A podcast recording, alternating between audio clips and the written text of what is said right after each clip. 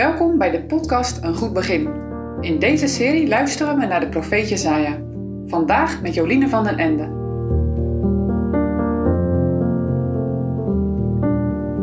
Vandaag lezen we rondom het thema de wijngaard over de verwoesting van de wijngaard.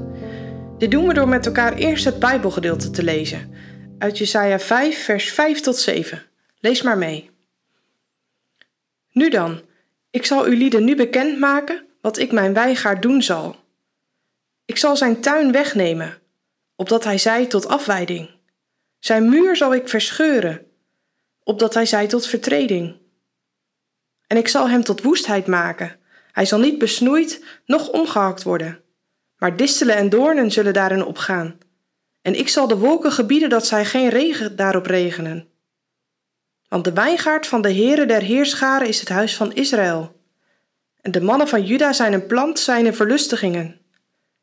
En hij heeft gewacht naar recht, maar zie, het is schurftheid naar gerechtigheid. Maar zie, het is geschreeuw.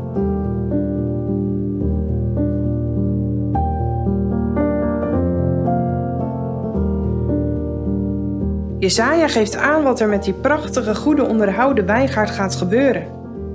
De wijngaard waaraan de wijngaardenier met een hoofdletter alles heeft gedaan zodat er goede vruchten kunnen komen, brengt alleen maar stinkende vruchten voort.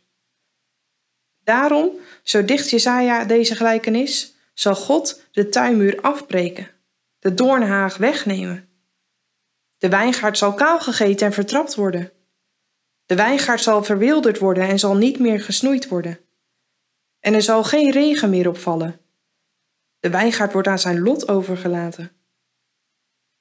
Erger nog, er zal een vijandig volk komen en die zal de wijngaard vernietigen.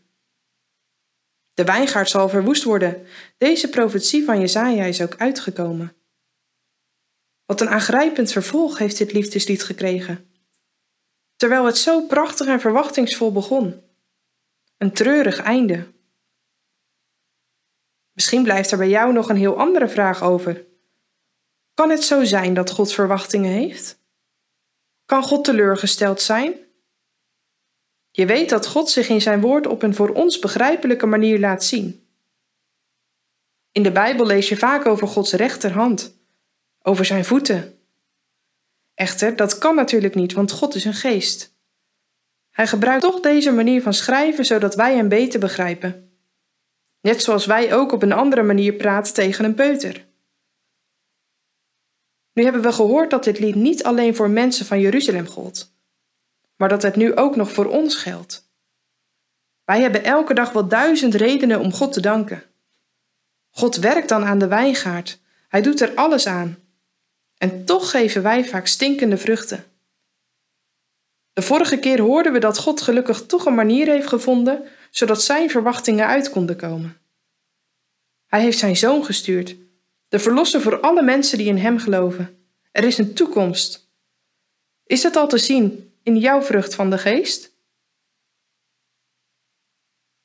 Hoe heb jij vandaag gemerkt dat God voor jou heeft gezorgd?